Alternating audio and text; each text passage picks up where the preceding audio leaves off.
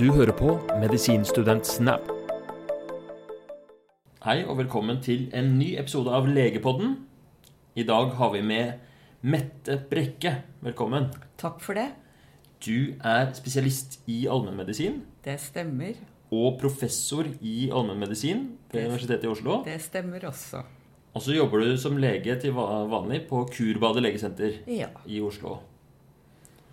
Kan vi ikke begynne med å høre litt om hvordan din hverdag er, da? Hvordan, hvordan var dagen din i dag? ja.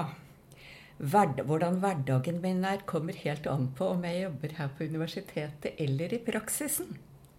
I dag har jeg vært her på universitetet fra åtte og til nå litt over fire. Og har stort sett jobba med kriseløsninger pga. budsjettnedskjæring. Å nei! Jo. Jeg er, akkurat nå så er jeg undervisningsansvarlig for faget allmennmedisin på dette medisinstudiet. Og når plutselig folk ikke får fornya stillingene sine, så må vi rett og slett ta noen grep. Så det har jeg holdt på med, vil si 90% av dagen i dag. Så i dag er det litt sånn krise og slukke branner og Ja, og egentlig litt trist stemning.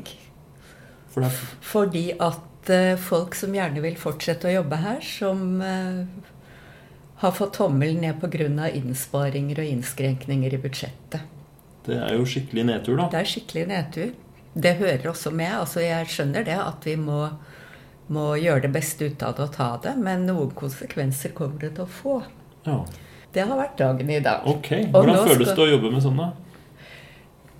Det er jo ikke det jeg liker best, men eh, jeg må ta det. Ja. Og heldigvis så har jeg jo en veldig, veldig gode folk her, da. Så jeg har jo ikke vært aleine om det. Vi har hatt et møte.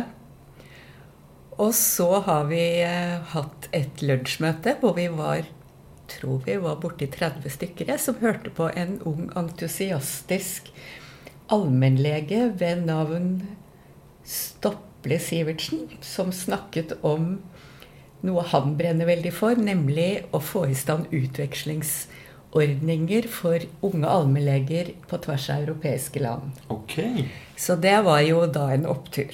Det hørtes spennende ut. Ja, Og nå når jeg er ferdig med deg, så skal jeg ned i praksisen. Nemlig til Ja. fastlegekontoret. Til fastlegekontoret og rydde i meldinger og svare på til hjemmetjenesten og Nav og se hva som har skjedd siden sist jeg var der. Så en mandag kveld så skal Ja. du ned og banke inn noen timer på fastlegekontoret Ja, et, ikke mer enn en time eller to, da. Ok. Er det sånn hver mandag? At det Ja. er så seine dager? Det er hver mandag. Hvordan klarer du det? da? Du ja, får jeg spørre hvor gammel du er? ja da. Det kan du gjerne spørre. Jeg er 66 år. 66 år. Jeg blir 67 år i dette året. Gratulerer. Takk for det. Og nå har jeg holdt på sånn i mange år, og det har egentlig vært verre òg. Men om en måned så skal jeg overdra praksisen min. Nei. Jo. Og da har jeg vært allmennlege i 40 år og 6 måneder. Og det føles det, det blir jo veldig rart. Men nå har jeg innstilt meg på det, at sånn Ja. kommer det til å være. Da skal jeg jo ha bare én jobb. Jøss. Ja, Så da kommer pasientene til å få ny fastlege? De det gjør det. de. Mm. Tar de det? Det er mange som er veldig lei seg for det. Altså man, man får jo følelsen av at man har vært en viktig person i mange menneskers liv over lang tid. Jeg har vært 25 år jeg er på den samme lista. Ikke sant? Og Så noen av pasientene dine har du hatt i 25 år? ja, ja. Mange. Ganske mange. Så nå har jeg holdt på sånn i flere måneder, da. Altså ta farvel med folk. Og si at det blir vel siste gangen og sånn. Og det er ganske Altså det for, for meg har det vært en mental hva skal jeg si, bearbeiding av å skulle slutte. At jeg kjenner at gjennom den avskjedsprosessen med så mange folk, så har jeg liksom eh, blitt klar for å slutte.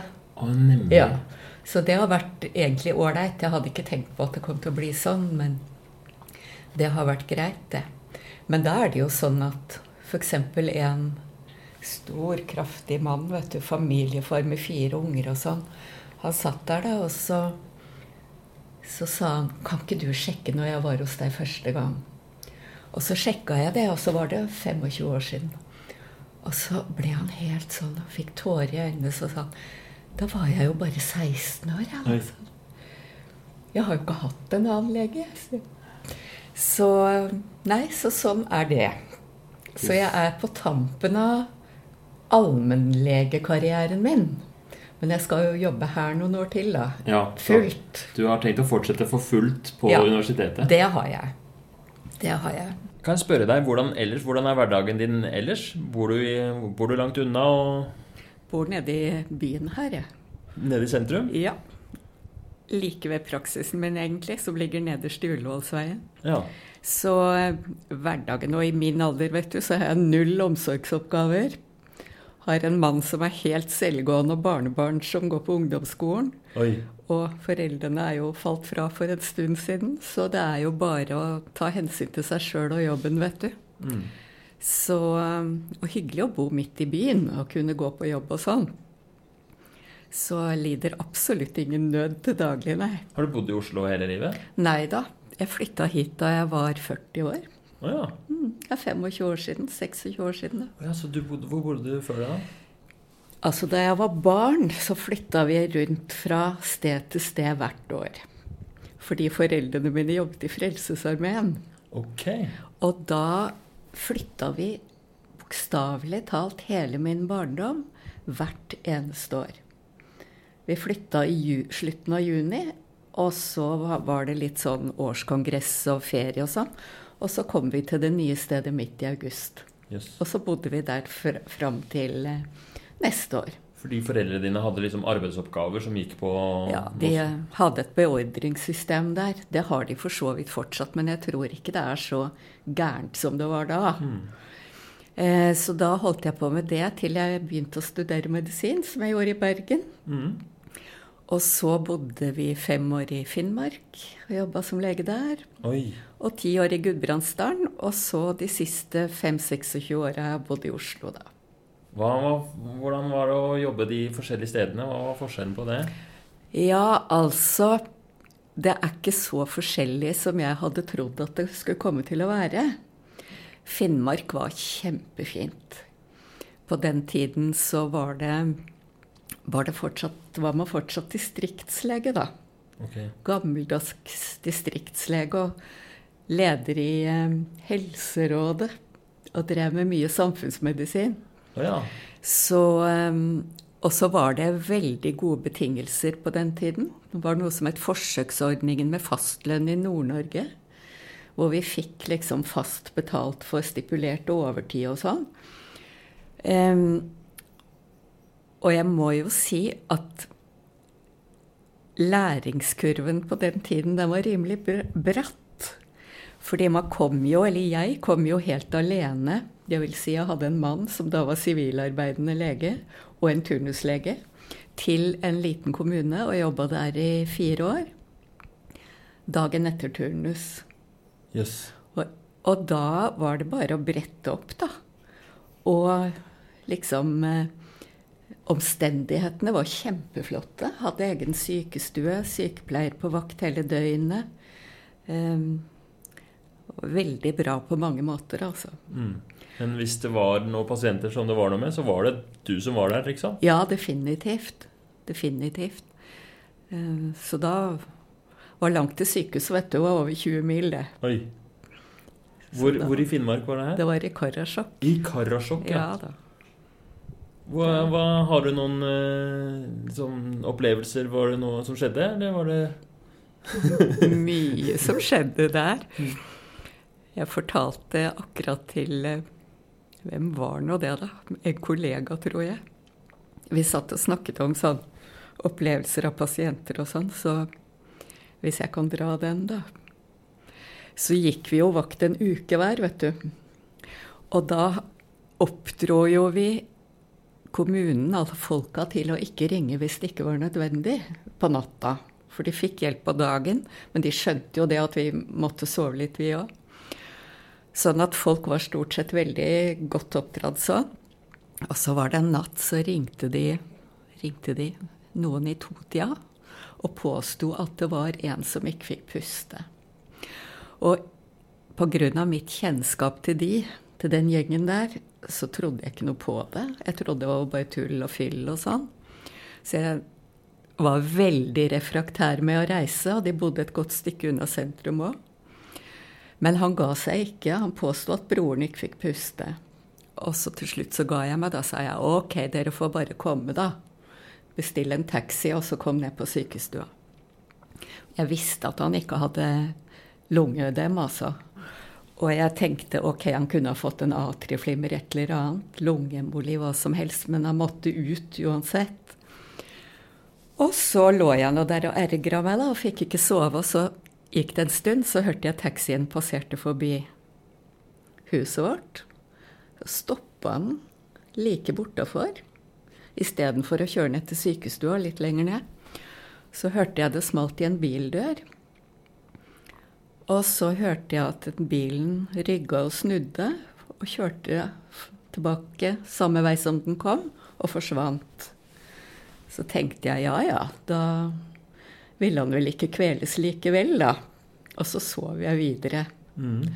Og neste morgen når jeg gikk på jobb da, nedover der, så så jeg at det var en del blod i snøen der. Ok. Da hadde jeg glemt hele saken, men da så jeg det. tenkte jeg ja ja, hva var nå det? Og det fant jeg jo snart ut, for sånn klokka elleve så hadde pasienten fått booka seg inn på en akuttime. Og da viste det seg at han hadde hatt en peritonsilær absess. Og den hadde spontanperforert akkurat der. Oi.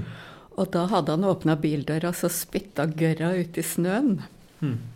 Og da fikk han jo plutselig puste igjen. og da torde han jo for alt i verden ikke vekke meg. Yes. Så da tenkte jeg best jeg drar hjem igjen, opp på småbruket, da. Okay. Så sånn var det der. Og det, det der ble jo en lærepenge for meg, altså. Ja. Litt annen helseatferd der enn eh, kanskje på rundt eh, Altså på kurbadet der hvor ja, du jobber nå? Det kan godt hende. I hvert fall så ble det en lærepenge for meg at hør nå etter hva folk sier. Ja. Ikke vær sånn forutinntatt, fordi om de har eh, ringt for tull før, så er det ikke sikkert det er sånn hver gang. Nemlig. Ja, det var ikke Det var en Så han hadde en absess som pressa sånn, så mye inn i halsen at han mm. uh, sleit med å puste? Ja, hadde nok det. Nei, det der var nå bare et eksempel. Mm. Nei, men det er eh, den derre at du Var du hjemme da og mm. på Så du er på vakt og hjemme, mm. og så, hø, altså det er så stille. Du hører mm. taxien når den kommer, ja, og sykestua er litt nede i veien. Ja, det var 500 meter unna. Mm. Det er en annen tilværelse, det, enn uh... Ja. Så jobba jeg ti år i Gudbrandsdalen. Og det var annerledes på én måte. Det var veldig mye travlere vakter der. Store kommuner, masse hoteller, hytter, slalåmbakker, E6. En lang strekning med trafikk og alt mulig. Mm. Eh, samtidig som vi jo ikke hadde de fasilitetene som det var i Finnmark. Vi hadde bare et enkelt legekontor. Ja. Nå er det jo blitt vaktsentral og sånn, langt unna.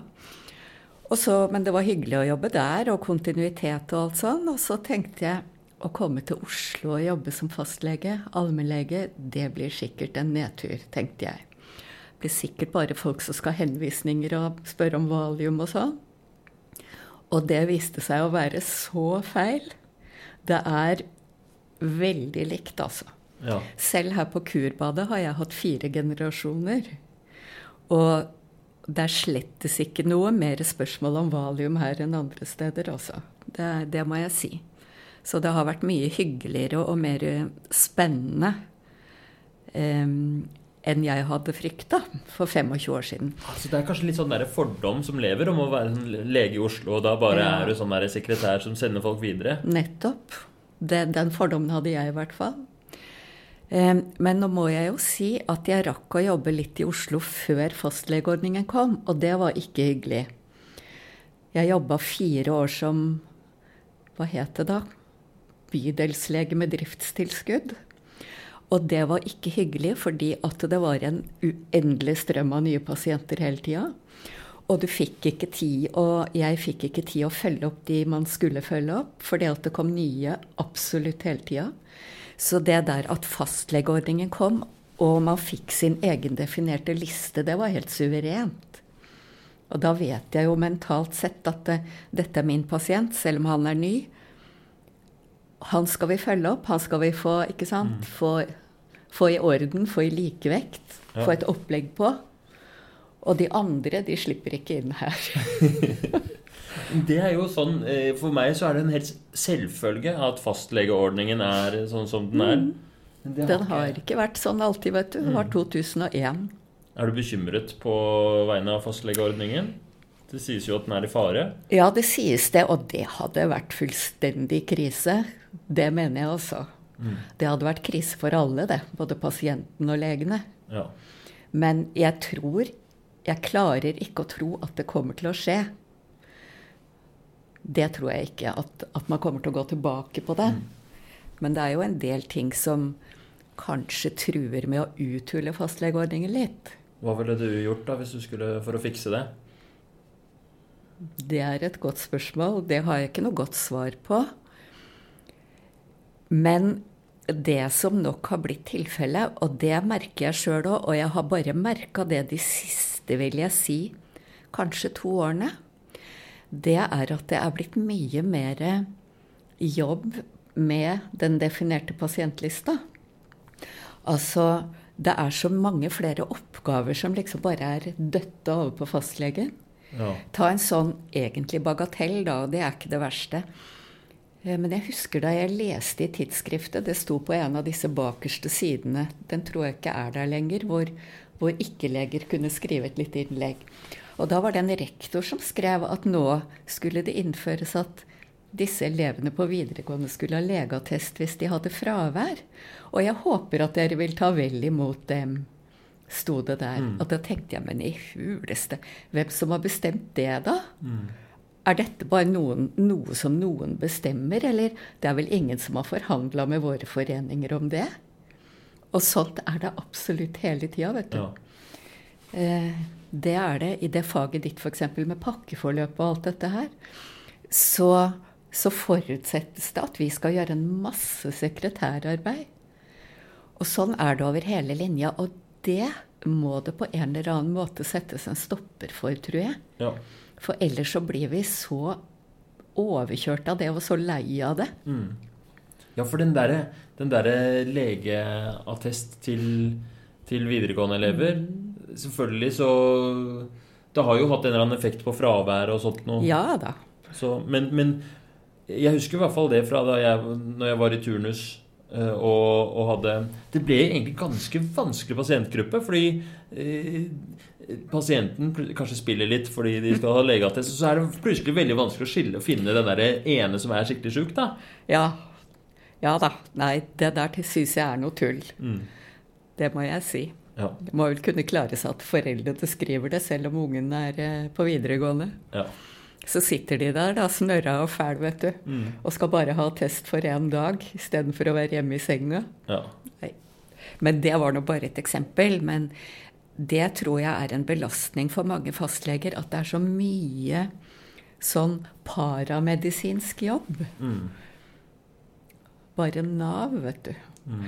Jeg pleier å si til kollegene, og det mener jeg, at jeg kommer til å savne alt ved fastlegejobben, unntatt Nav. Jeg må bare si det. Mm. Alle de attestene, erklæringene.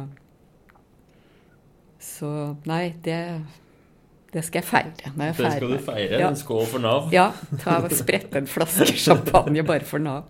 Hva, fortell mer om de tingene du kommer til å savne, da. Ja, det er et godt poeng. Jeg kommer til å savne å utøve et håndverk som jeg føler at jeg mestrer. Det er der å gå på en praksisdag og ser den pasientlista på skjermen. Og noen timer er jo ledige når morgenen er der, ikke sant, og fylles opp i løpet av dagen. Og så glir det så greit. Det går så greit. Eh, og så å si alle pasientmøtene er hyggelige. Altså Det er ikke sikkert at de er enkle. Det kan være vanskelig. sant? Pasientene kan selvfølgelig være i krise. Eh, Det kan være virkelig vanskelige problemer. Det er ikke det. Men jeg føler at jaha, dette her er faktisk Dette er mitt håndverk. Dette, dette kan jeg. Og så, når den dagen er gått, da, så har jeg virkelig gjort noe. Ikke sant? Da har jeg virkelig gjort noe som antageligvis langt på vei er samfunnsnyttig. Selvfølgelig kan man være kritisk og tenke på overbehandling og overdiagnostikk og underdiagnostikk og you name it, men altså eh, De fleste samfunn skal jo ha en primærhelsetjeneste, primær legetjeneste. Og det å utøve det yrket der, det har jeg alltid likt. Nesten fra jeg starta med det. Mm. Selvfølgelig, de første åra var jo veldig Da var man jo veldig usikker og brukte lang tid på å ta beslutninger og alt det der, men eh, det kommer jeg til å savne. Og jeg tenker av og til, når jeg ser sånn pasientliste, og pasienten kommer én etter én, mm. de aller fleste presis tar seg fri fra jobb, så tenker jeg Hvorfor gidder de egentlig å komme hit og snakke med meg? Altså, hva er det de får ut av det? Noe må det jo være. Og det der å liksom bare kunne effektuere det på en relativt lett måte Blir ikke så fryktelig sliten etter en dag i praksis heller. Hvis jeg blir det, så er det pga. at det ligger fire ubesvarte Nav-erklæringer, Og fem fra hjemmetjenesten og mm. multidoseapotek og sånt noe. Ja. Eh, og én fra barnevernet. Og to forsikringsattester. Da blir jeg sliten. Men ikke, ikke sånn av det der å jobbe med pasientene. Er det noen sånne øh, Noen sånne deler av hverdag, eller av noen konsultasjoner som du har blitt skikkelig som du har lært deg å mestre skikkelig bra? Eller kanskje alle, men eh, er det noen du tenker på sånn som du syns var vanskelig i starten, men som syns er lett nå? Det var veldig godt, gode spørsmål du har, du, som jeg ikke egentlig har tenkt så mye på. Men det må jeg vel kunne klare å tenke litt på. Altså si at det kommer en pasient som er skikkelig misfornøyd med et eller annet, skikkelig vrang der var det jo lett før i tiden å gå i forsvar, komme i krangel, være vrang tilbake, ikke sant. Der må jeg jo si at det takler jeg på en helt annen måte nå. Fordi at det, det truer meg ikke, det. Altså, hun eller han kan jo godt være misfornøyd og sur og sint. Det er helt greit. La meg nå høre hvorfor. Og var en eller annen som sa Har glemt hvem at eh, en vanskelig pasient er som regel vanskelig fordi han har det vanskelig. Og det å komme rundt det, og at pasienten går ut igjen og har det mye bedre, det syns jeg er hyggelig. Mm. Og en annen ting forresten, det er pasienter som er skikkelig nede.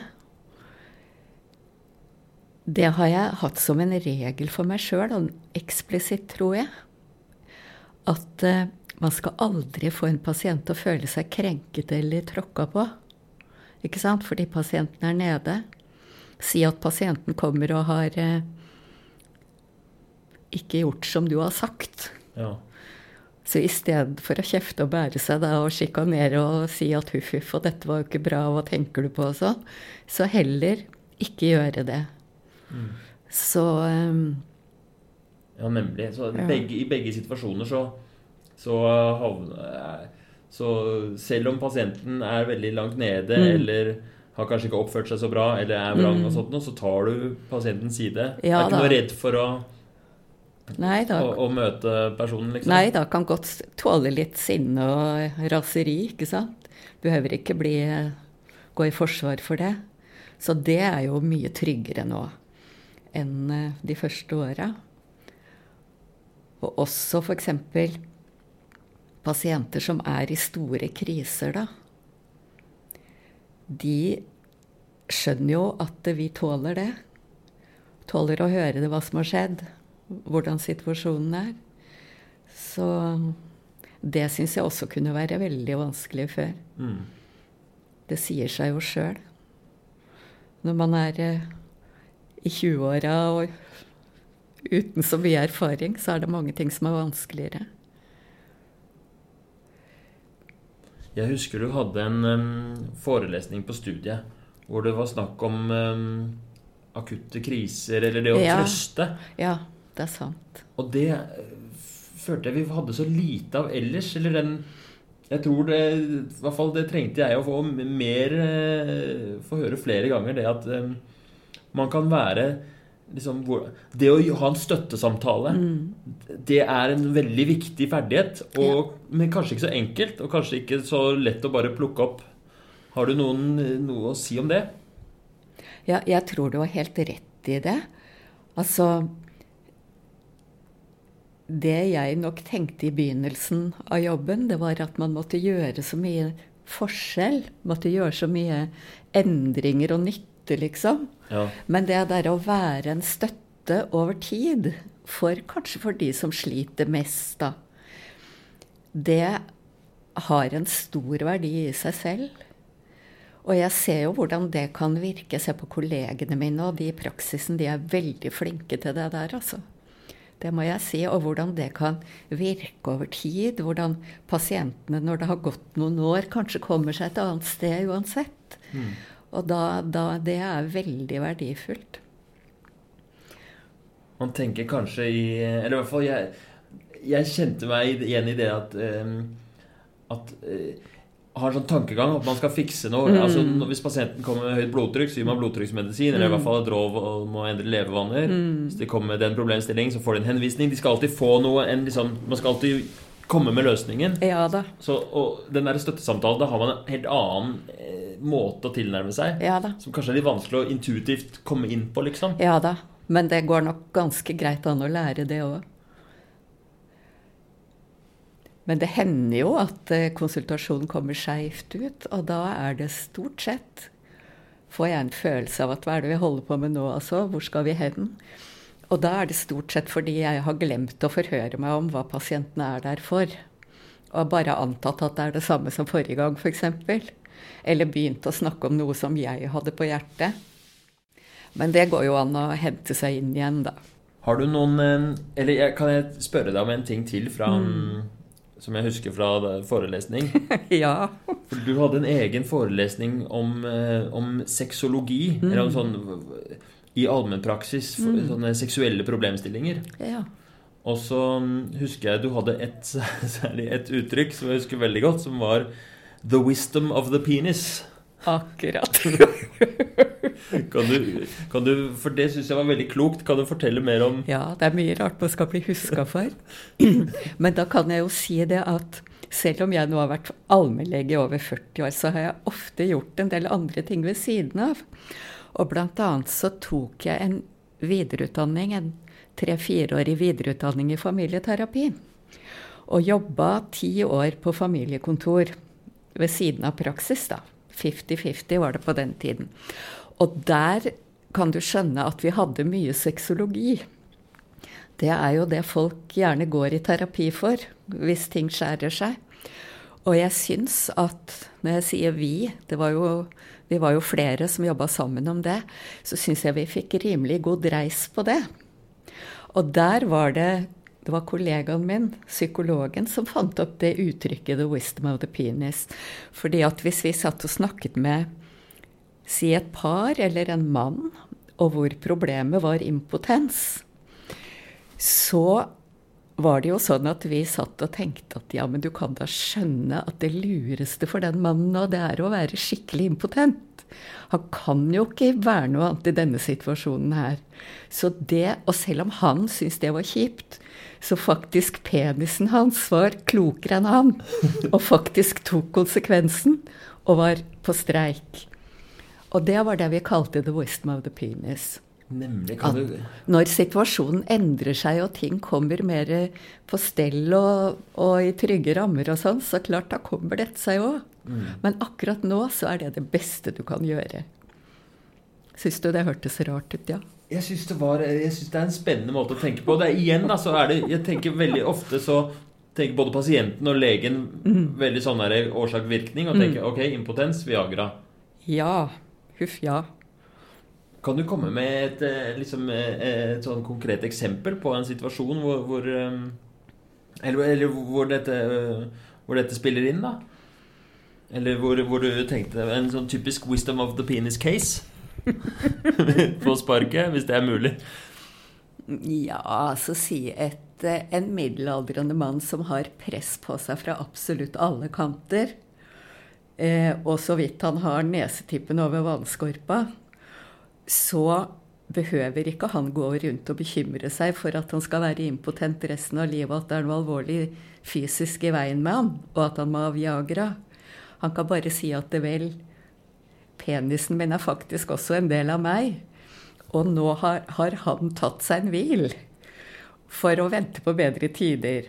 Og da kan han heller fokusere på, på det som man faktisk kan gjøre noe med. Mm. Ikke sant? Om det er julegaveshopping, eller om det er uh... Ja, den har jeg ikke hørt. Men eh, da tror jeg jeg hadde himla litt med øynene. Det er nok litt mer eksistensielle ting, tror jeg. Ja. Skjønner. Hva annet er det du har eh, Altså, du sier du fikk mer og mer dreisen på sexologien. da. Hva er det, hvis du vil komme med noen tips til unge leger eller noe sånt, noe som syns det kanskje er vanskelig Nå var det for noen år siden en student som eh, lagde en oppgave på det der. Han, han sendte ut spørreskjemaer til ca. 40 leger, vel, fastleger. Og så fikk han de til å registrere hva, hvor mye de hadde av sexologiske problemstillinger i løpet av tre dager. Og det var 4% av konsultasjonene som dreide seg om det. Og det var veldig varierte problemstillinger. Alt fra em, Ja, impotens var nå relativt på topp. Og så var det smerter hos kvinner. Og så var det eh, problemer som var knytta til eh, sykdom og medikamentbruk.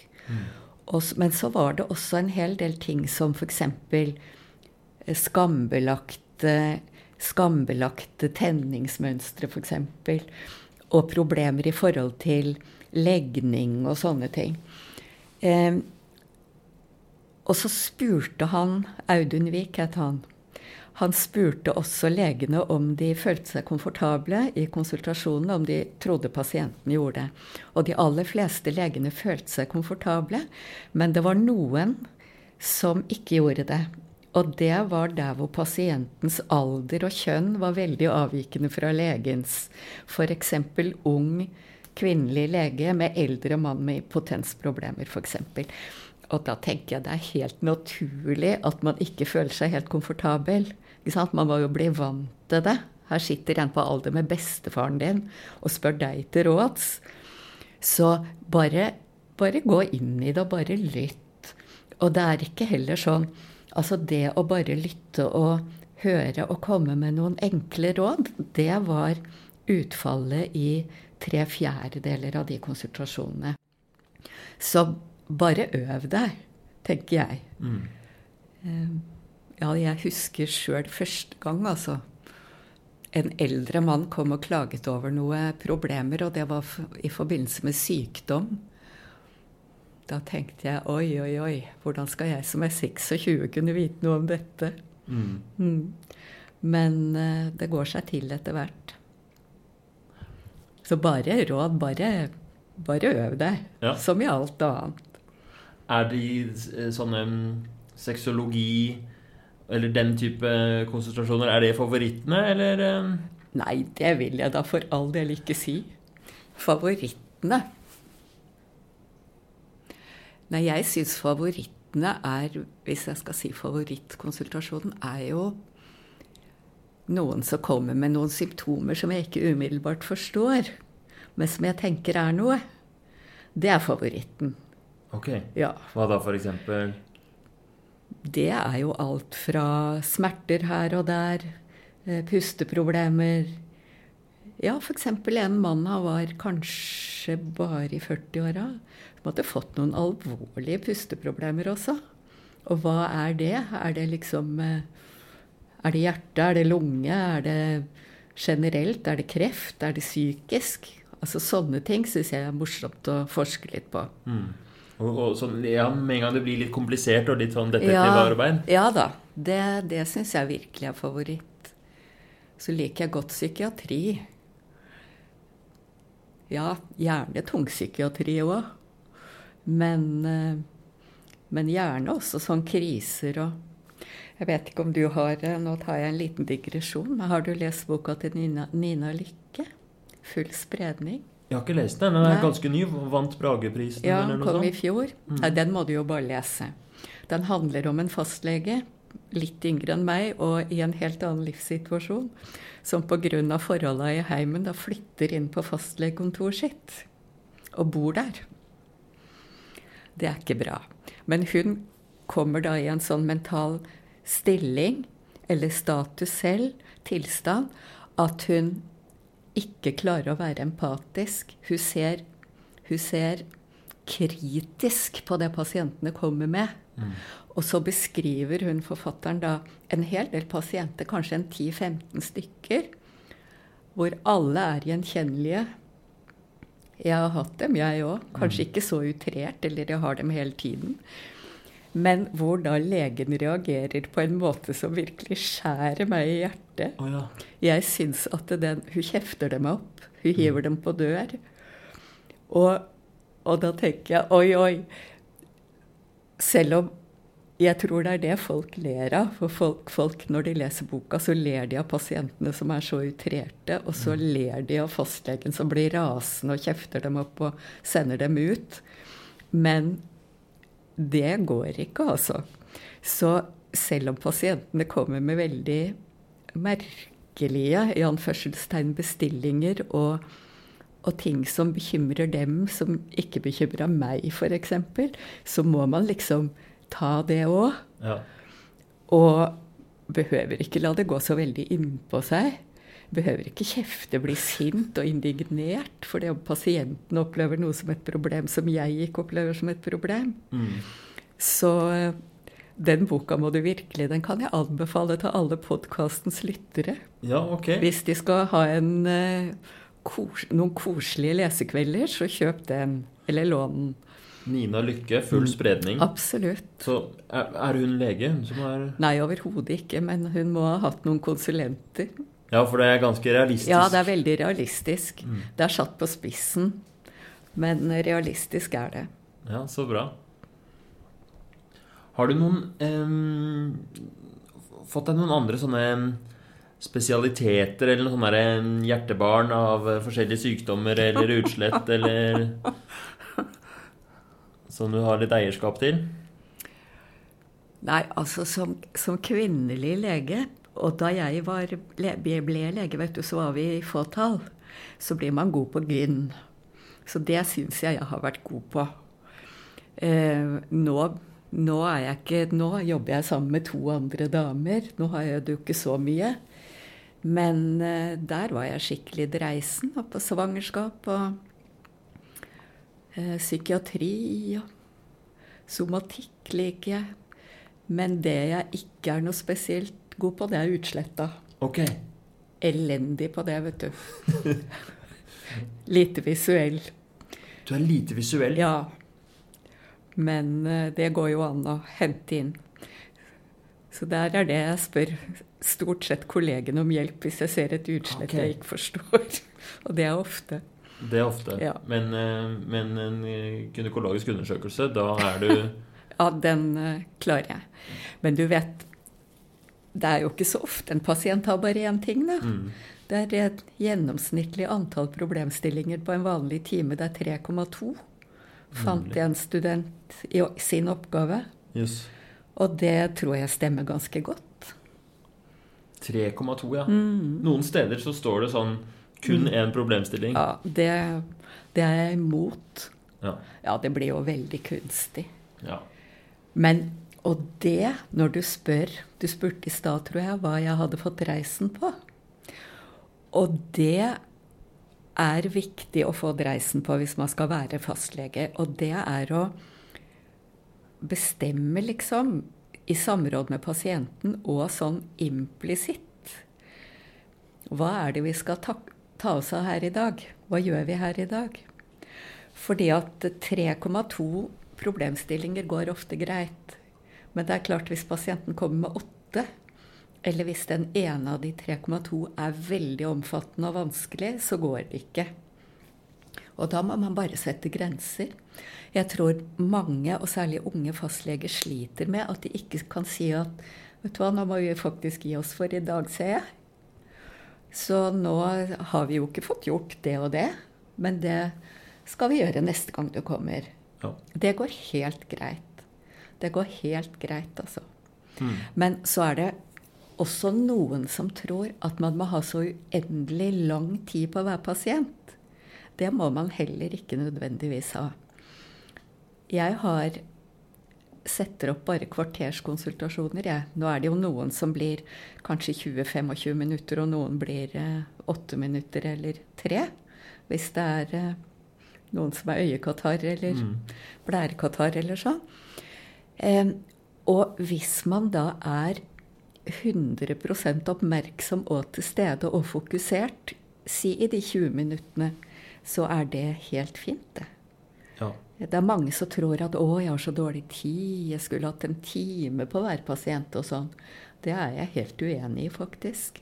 Du får gjort mye også på f.eks. psykiatripasienter og sånn på 20 Ja. minutter. Det gjør man. Men da må man sette opp Det går jo an å sette opp regelmessige avtaler. Og noen setter jeg jo opp lenger på. Men det er ikke mer enn kanskje én i uka.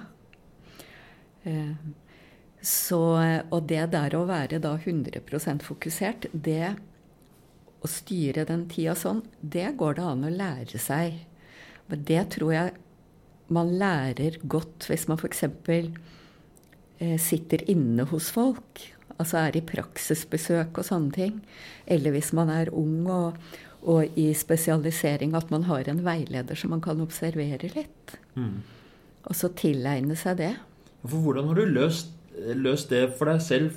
Mange eh, som jobber som fastlege, de ender jo opp med å være veldig selvstendige og veldig egen, eh, altså egenrådig, kanskje. Og, og jeg ser for meg at det kanskje ikke er så lett å få den der veiledningen og det der samarbeidet. Nei, men hvis man følger spesialiseringsløpet, vet du, så er det jo videre- og etterutdanning. Med obligatoriske timer og smågrupper og kurser og Så det, det må man jo gjøre. Ja. Eh, din du har jo en felles praksis med Mm. Er det privat? Eh, ja, det er vanlig fastlege. Vanlig fastlegepraksis. Ja. Og for, det, for eksempel, det finnes jo noen som har sånn solopraksis. ja, men det tror jeg er veldig på vei Ja. ut. Ja. Det vet jeg nesten ikke om eksisterer lenger. i- Nei, det kanskje det ikke er, er særlig tema Nei, i hvert fall det må være slitsomt. Ja. Det vil jeg aldri ha orka. Nei da, man må ha kollegialt eh, samarbeid og sånn, altså. Det er veldig viktig. Hvordan tror du fastlegeordninga ser ut om 30 år, da? Du, det får jeg antagelig ikke vite. Hvis jeg ikke har tenkt å bli 100 år. Men jeg tror den kommer til å være veldig annerledes. Ehm, Jeg tror vi kommer til å bruke teknologien på en helt annen måte. Og så er det mulig at den kommer til å være mer flerfaglig. Altså at det er andre faggrupper enn bare vi.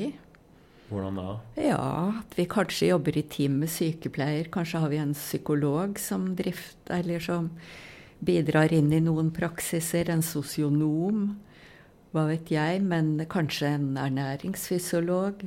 Ja, som er, sitter på fastlegekontoret? Ja, eller som jobber på senteret, mer sånn. Altså, jeg tror ikke at den er helt Jeg tror ikke at den er sånn som nå, hvor én fastlege skal ordne det meste. Eh, og jeg håper i hvert fall at vi er kvitt mye av sekretærarbeidet. Men det jeg håper faktisk på, selv om 30 år er lang tid Men nå har jeg jobba 40 år, og det har vært sånn. Men det jeg håper på, det er at kontinuiteten og det personlige kan fortsette. Altså at en pasient vet faktisk hvem som er legen. At de ikke treffer nye hver gang. Ehm, Det håper jeg, for det har utrolig mye å si faglig. Mm. Det blir mye bedre medisin når det er en lege og en pasient som kjenner hverandre. Ja. Det er det. Og nå har jo jeg, som jeg sa i stad Tror jeg sa det i stad. At jeg har, i og med at jeg skal slutte i praksisen, så har jeg har jeg tatt avskjed med så mange pasienter. Og det som virkelig rører meg, det er når folk jeg slett ikke har sett ofte i løpet av disse årene, og som slett ikke har feilt det mest alvorlige, og som slett ikke har sagt så mye pent takk for seg, men når de sier at det har vært av betydning, det har vært veldig viktig for vår familie å ha en lege vi kan ha full tillit til, da, da, ble, jeg nest, da ble jeg skikkelig rørt. Og selv om ikke sant, I dette tilfellet gjaldt det meg, men det gjelder de fleste andre òg. Det gjelder det store flertall fastleger. Hvis man er fastlege og jobber i fastlegeordningen og kjenner pasientene sine og jobber ordentlig og seriøst, så kan faktisk folk si at ja, vår familie har en lege vi har full tillit til. Og det er så verdifullt. Så mm. det håper jeg faktisk skal fortsette, altså. Ja. Men det gjenstår å se, og du får se det, men ikke jeg. Ja, vi får se. Får vi håpe. Ja, vi får håpe. Har du noen til slutt noen, Hvis det er noen medisinstudenter som hører på, noen eh, tips til de? Om hva da? Om, hva, om at de skal bli fastleger? Ok. Syns du de det må dere bli, vet du. Ja. Det er jeg har jo syns at det har vært verdens beste jobb. Og dette andre med, med akademiet og alt sånt der, det er greit nok. Men det er jo det å være fastlege som er uh, saken. Mm. Nå, siden du snakker, var inne på sexologi, da, så var det en stund det var noen som pressa meg til å bli fulltidsakademiker. Eller gjerne syntes at jeg burde bli det. Så sa jeg å være fulltidsakademiker på allmennmedisin, det er jo som bare vorspiel og nachspiel og ikke noe sex. ikke sant? For the real thing er ikke der. Mm. Nemlig legejobben. Nemlig. Det, og det må jo være i bunnen hele tida. Eh, sånn at Og så av og til så har jeg snakka med medisinstudenter, eller gjerne sånne som ikke er kommet inn ennå, men som gjerne vil inn. Og så har jeg, har jeg, tenkt De har spurt ja, hva har du lyst til å bli da, liksom? Nei, det var nå kanskje nevrokirurg eller barnepsykiater eller Må bli fastlege, sier jeg da, vet du. Nei, det er jo så kjedelig. At de, når de ikke vet det, så har de allerede sånn formening om at det er veldig lite spennende. Men det er det virkelig ikke. Og jeg har jo også lest det, og er helt enig i at, at det der å si i løpet av en praksisdag da Si at man har 25 konsultasjoner. Det er mye. Men si et sted mellom 20 og 25. Og at man får det gjort på en måte som er kommunikativt god, og som tar hensyn til faglig standard og retningslinjer, og til ressursbruk, og til pasientens ønsker og behov, alt det der.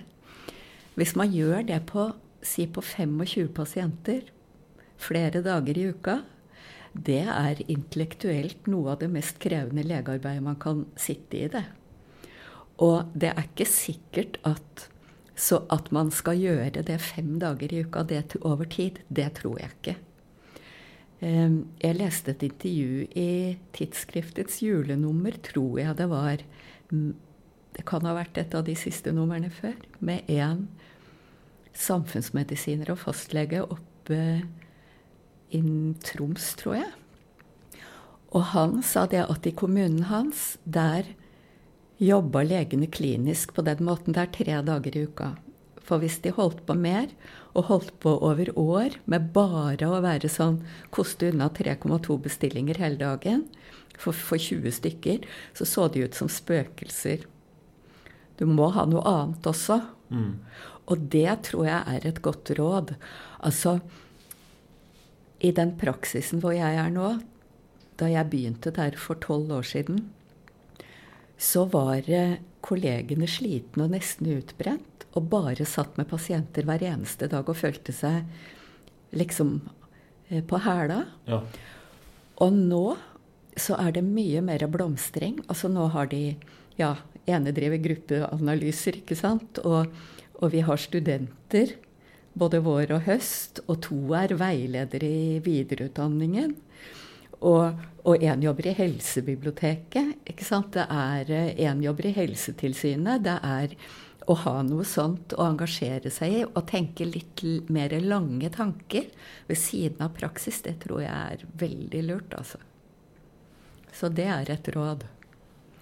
Men bli fastlege, folkens. Men gjør noe annet ved siden av også. Så kult at det er så mange sånne småting man kan Eller mm. du sa hun ene hun hadde spesialisert seg på gruppeterapi. Ja da.